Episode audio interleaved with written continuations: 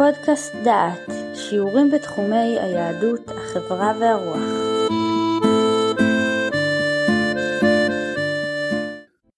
ברוכים הבאים לפודקאסט דעת, לקורס הגיל השלישי, מאת הפרופסורים אפרים יעול ויהודה אייזנברג. הגענו לפרק שני שעניינו הזקנים בישראל. מדבר עליכם יהודה אייזנברג המאחל לכם האזנה נעימה. אני מבקש לקרוא באוזניכם את השיר אדם זקן של דוד אבידן. אדם זקן, מה יש לו בחייו? הוא קם בבוקר ובוקר בו לא קם. הוא מדשדש אל המטבח, ושם המים הפושרים יזכירו לו שבגילו, שבגילו. אדם זקן, מה יש לו בבקריו? הוא קם בבוקר קיץ, וכבר סתיו נמהל בערב בנורות חדרו. ממסעו במסדרון הוא טרם שב. כי שם הוא עוד חשב מה לעשות עתה ומה לקרוא. אדם זקן, מה יש לו בגילו?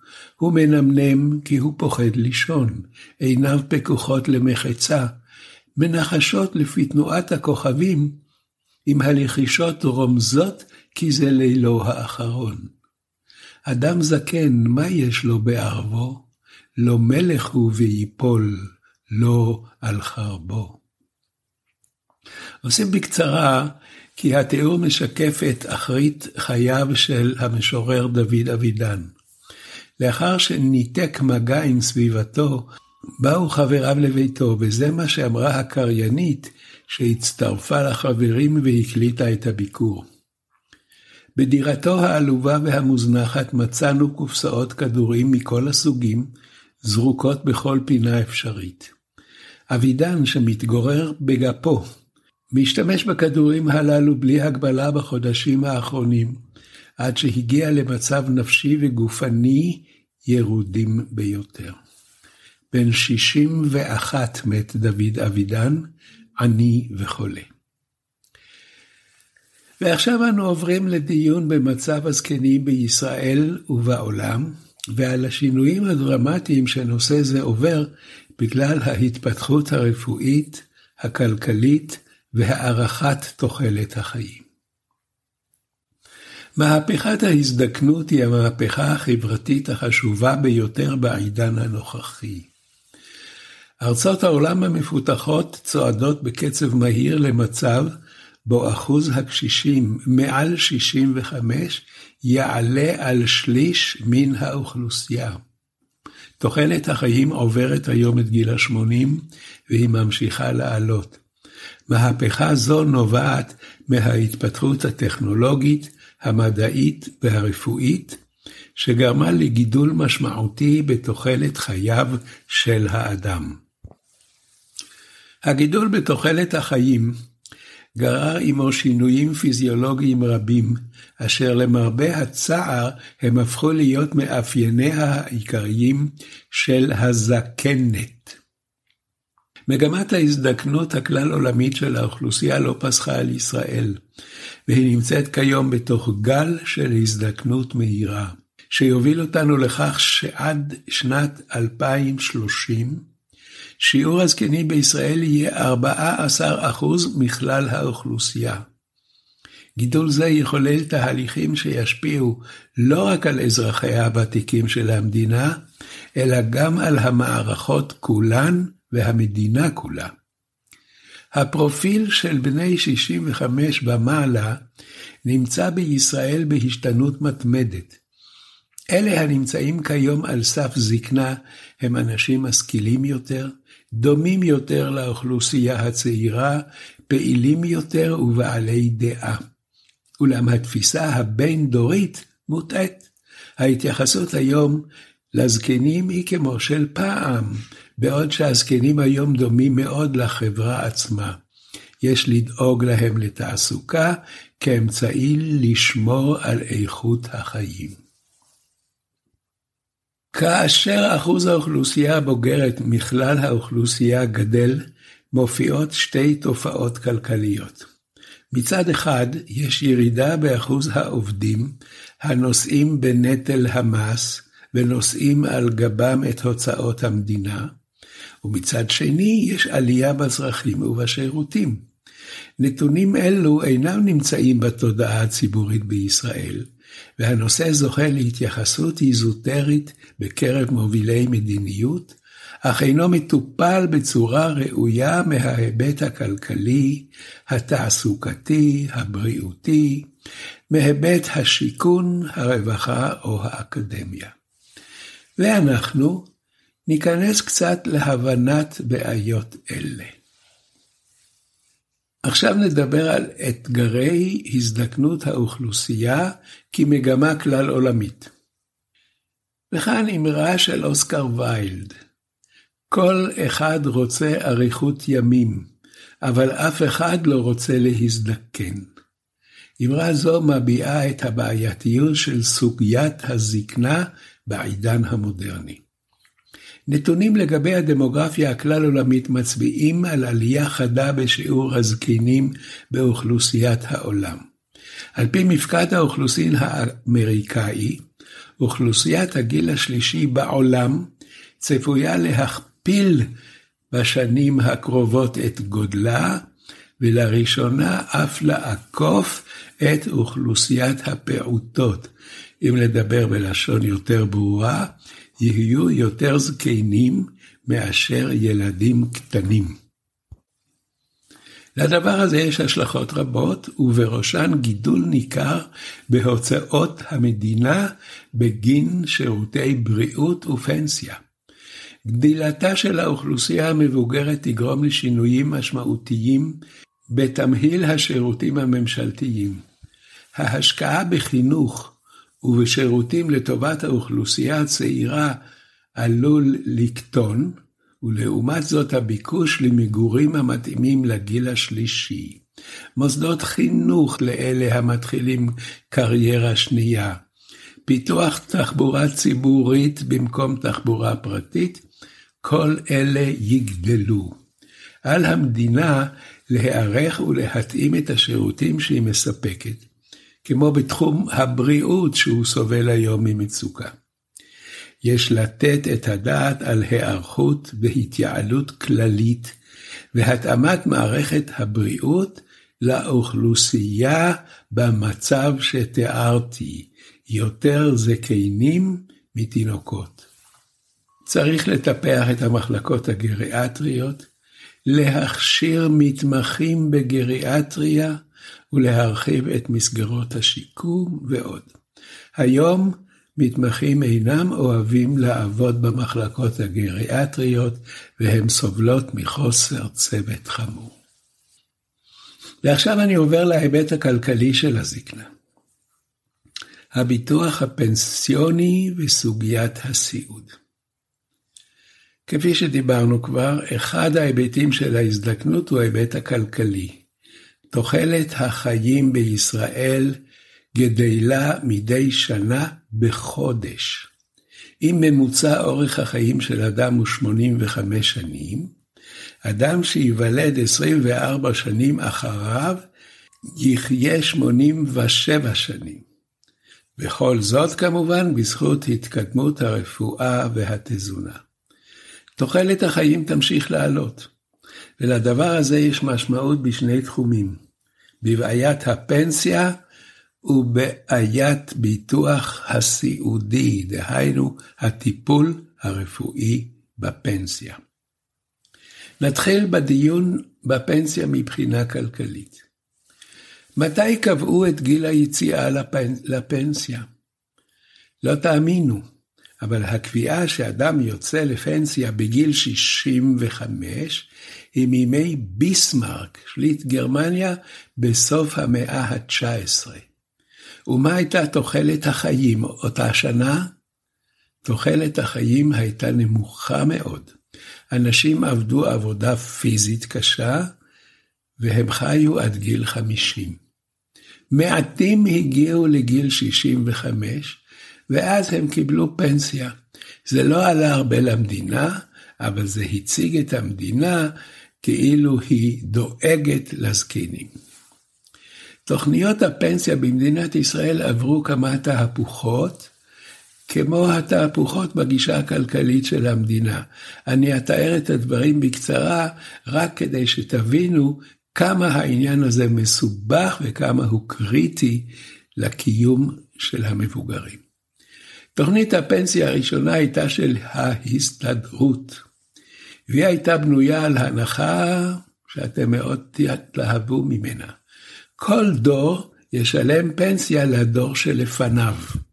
פשוט, אדם יקבל פנסיה לא ממה שהוא צבר, אלא ממה שהדור הבא ישלם אחריו לקופת הפנסיה.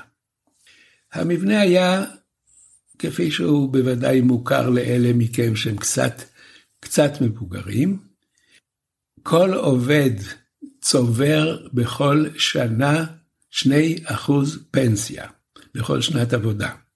לאחר שאדם עבד 35 שנים, הגיע למקסימום הפנסיה שהוא יכול לקבל, 70 אחוז. ואז, כאשר אדם הפסיק לעבוד, הוא מקבל מקופת הפנסיה גמלה, לפי החישוב שעושים, לפי החישוב שעושים, 2% ממשכורתו לכל שנת עבודה שעבד. עכשיו עולה כאן שאלה, 2% ממה? מהמשכורת האחרונה, מהמשכורת הראשונה, ומה נכלל בהגדרה של משכורת. הוצאות נסיעה אין לפנסיונר, אז גם עליהם יקבל. בתחילה חישבו את הפנסיה על פי השכר האחרון. כמובן שקופת הפנסיה קיבלה תשלומים לפי השכר בפועל.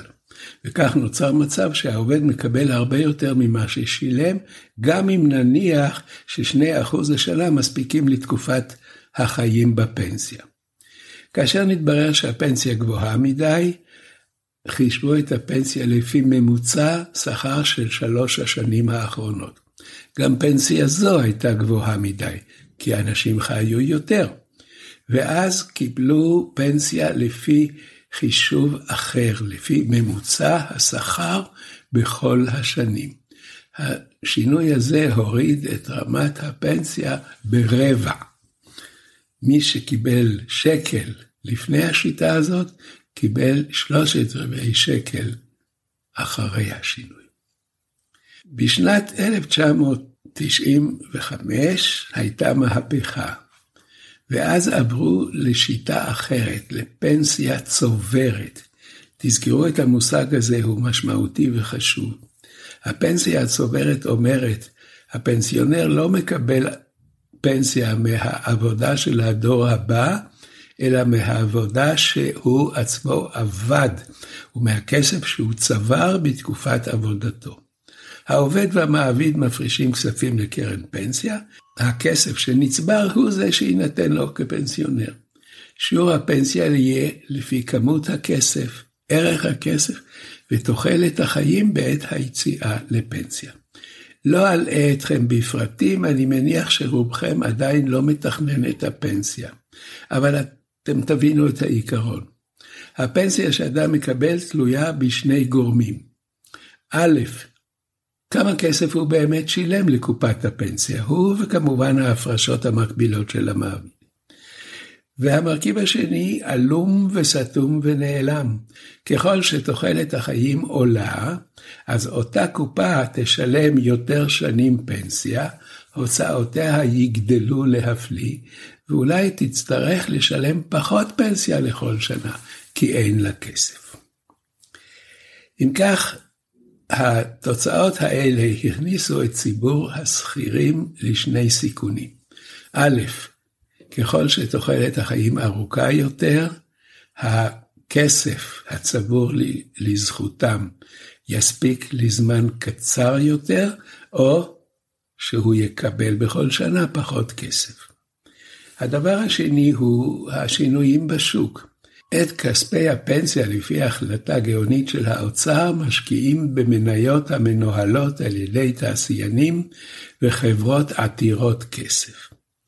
אם החברות מרוויחות נהדר, קופת הפנסיה מתעשרת. אבל קורה, הוא קורה מאוד, שהחברות מפסידות את הכסף שהם השקיעו בתעשיות, ואז קופות הפנסיה שהשקיעו כסף מפסידות, והמבוטחים שלהם נשארים במצב לא הכי טוב.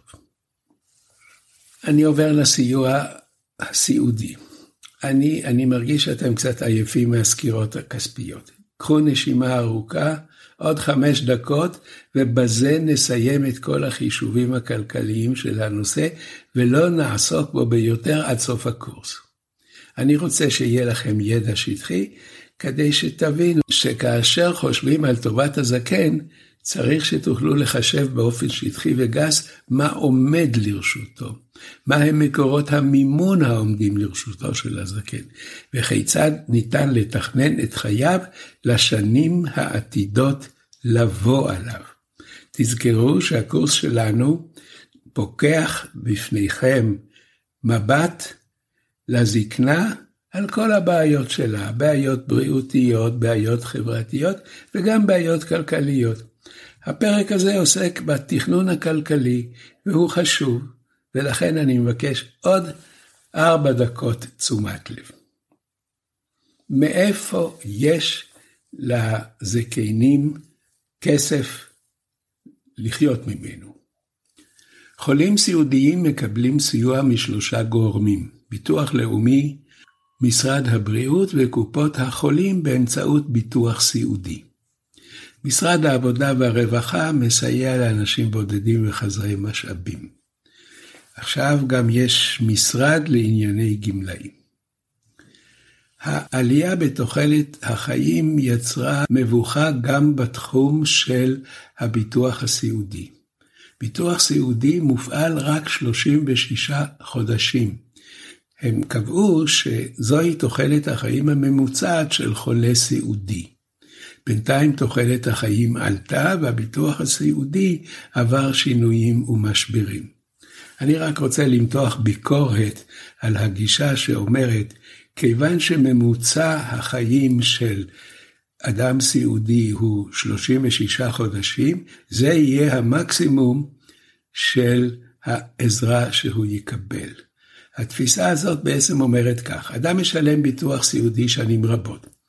כשהוא זקוק לכסף הוא מקבל רק 36 חודשים, כי זה הממוצע.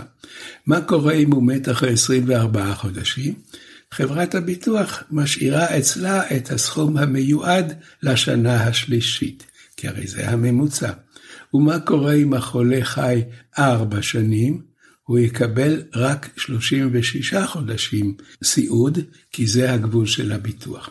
זה הרי בלתי הגיוני. כל הרעיון של ביטוח הוא שאם הממוצע הוא 36 חודשי חיים במצב של חולה סיעודי, חלק יחיו שנתיים, חלק יחיו ארבע שנים, והאחד מאזן את השני. אם הממוצע הוא המקסימום שהחברה משלמת, אז זה לא משקף את, ה, את האמת. אבל הבטחתי לא להאריך בנושאים כלכליים, ואני מקיים את הבטחתי. ואני הגעתי עכשיו לסיכום הפרק. מהפכת ההזדקנות היא המהפכה החברתית החשובה ביותר בעידן הנוכחי. ככל שגדלה האוכלוסייה הבוגרת מופיעות שתי תופעות כלכליות. מצד אחד ירידה באחוז העובדים הנושאים בנטל המס, ומצד שני עלייה בצרכים שהמדינה צריכה לספק למבוגרים. מפקד האוכלוסין האמריקאי סבור שאוכלוסיית הגיל השלישי תכפיל את עצמה בשנים הקרובות. המצב בישראל הוא, טוב יותר מאשר במדינות אחרות, כי האחוז בני ה-65 פלוס באוכלוסייה הוא יגיע ל-14% בשנת 2030, פחות ממה שצופים במדינות אחרות. אבל תוחלת החיים ממשיכה לעלות. לדבר הזה יש שתי משמעויות. בעיית הפנסיה וביטוח הסיעוד, הטיפול הרפואי בזקנים. כדי לחשב נכון את הסכום הנדרש לשלם לפנסיה, יש לדעת שני דברים. האחד, באיזה גיל יוצאים לפנסיה, והאחר, באיזה גיל יוצאים מן הפנסיה. גיל היציאה לפנסיה נקבע בימי ביסמרק במאה ה-19, כאשר אנשים עבדו עד גיל 50 ותוחלת החיים הייתה בסביבת גיל זה. לא זה המצב בתחילת שנות המדינה, ועוד פחות מזה דומה המצב היום. תוכניות הפנסיה הראשונות של מדינת ישראל, אמרתי, היו של ההסתדרות, שהנחת העבודה הייתה כל דור ישלם פנסיה לדור שלפניו, ויקבל את הפנסיה מן הדור שאחריו. זה לא עבד. עברו לפנסיה צוברת, אדם צובר כסף כדי לחיות ממנו בתקופת הפנסיה, והפנסיה שאדם מקבל היא תלוית שני מרכיבים. מרכיב ראשון, כמה כסף יש לקופה ממנו, כספו שלו וכספי מעביד. המרכיב השני, עלום וסתום ונעלם. כמה שנים העובד יחיה ויקבל פנסיה. הזכרתי בקצה המזלג את הסיוע הסיעודי שנותנים גופים המתקצבים חולים סיעודיים. זהו. סיימנו את החלק הכלכלי של הזקן. אני רוצה עכשיו להזכיר שני דברים. הדבר הראשון הוא מה שהבאתי בשם אוסקר ויילד. כל אחד רוצה אריכות ימים, אבל אף אחד לא רוצה להזדקן. והדבר השני שאני רוצה להביא בפניכם, מספר פסוקים ממזמורי תהילים, בתפילת הזקן שכוחו עזבו ואויביו מתחילים לחגוג. אל תשליכני לעת זקנה, ככלות כוחי אל תעזבני, כי אמרו אויבי לי, ושומרי נפשי נועצו יחדיו, לאמור, אלוהים עזבו, רדפו ותפסו, כי אין מציל. אלוהים אל תרחק ממני, אלוהי לעזרתי חושה. הפסוק אל תשליכני לעת זקנה, ככלות כוחי אל תעזבני, זכה לביצועים שונים ולמבצעים שונים. בין השאר נמצא את אביהו מדינה, שימי תבורי, מישל כהן, יואב יצחק ועוד רבים. אנחנו נשמע עכשיו את הפסוקים בביצועו של אהרון גרליץ ומקהלה. פסוק זה, בשל נגיעתו ברגשות העמוקים שבלב, עבר לתפילת הימים הנוראים, ושם הפך מבקשת היחיד של ספר התהילים לתפילת הרבים ביום הדין. הבה ונשמע.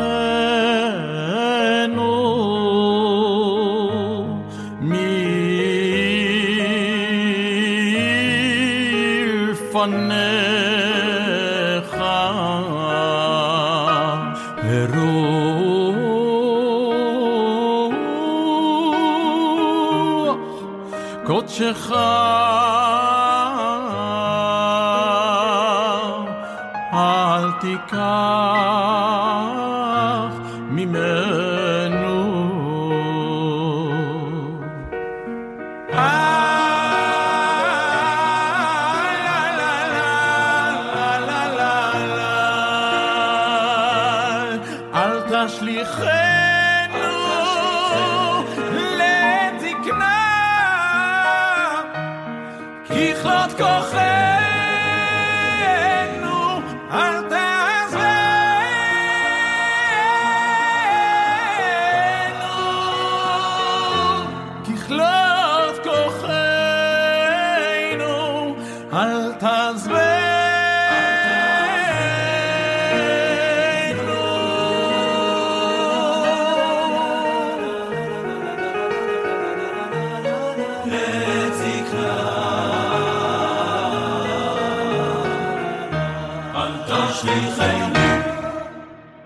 סיימנו את הפרק השני, ואני רוצה להרגיע שני פרקי הפתיחה נועדו לציין את המסגרת של החיים שאותם אנחנו הולכים ללמוד.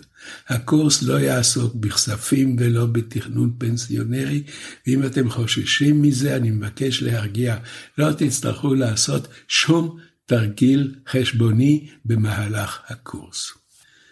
בפרק הבא נעסוק בפיזיולוגיה של הזקן, לא עוד כספים. להשתמע.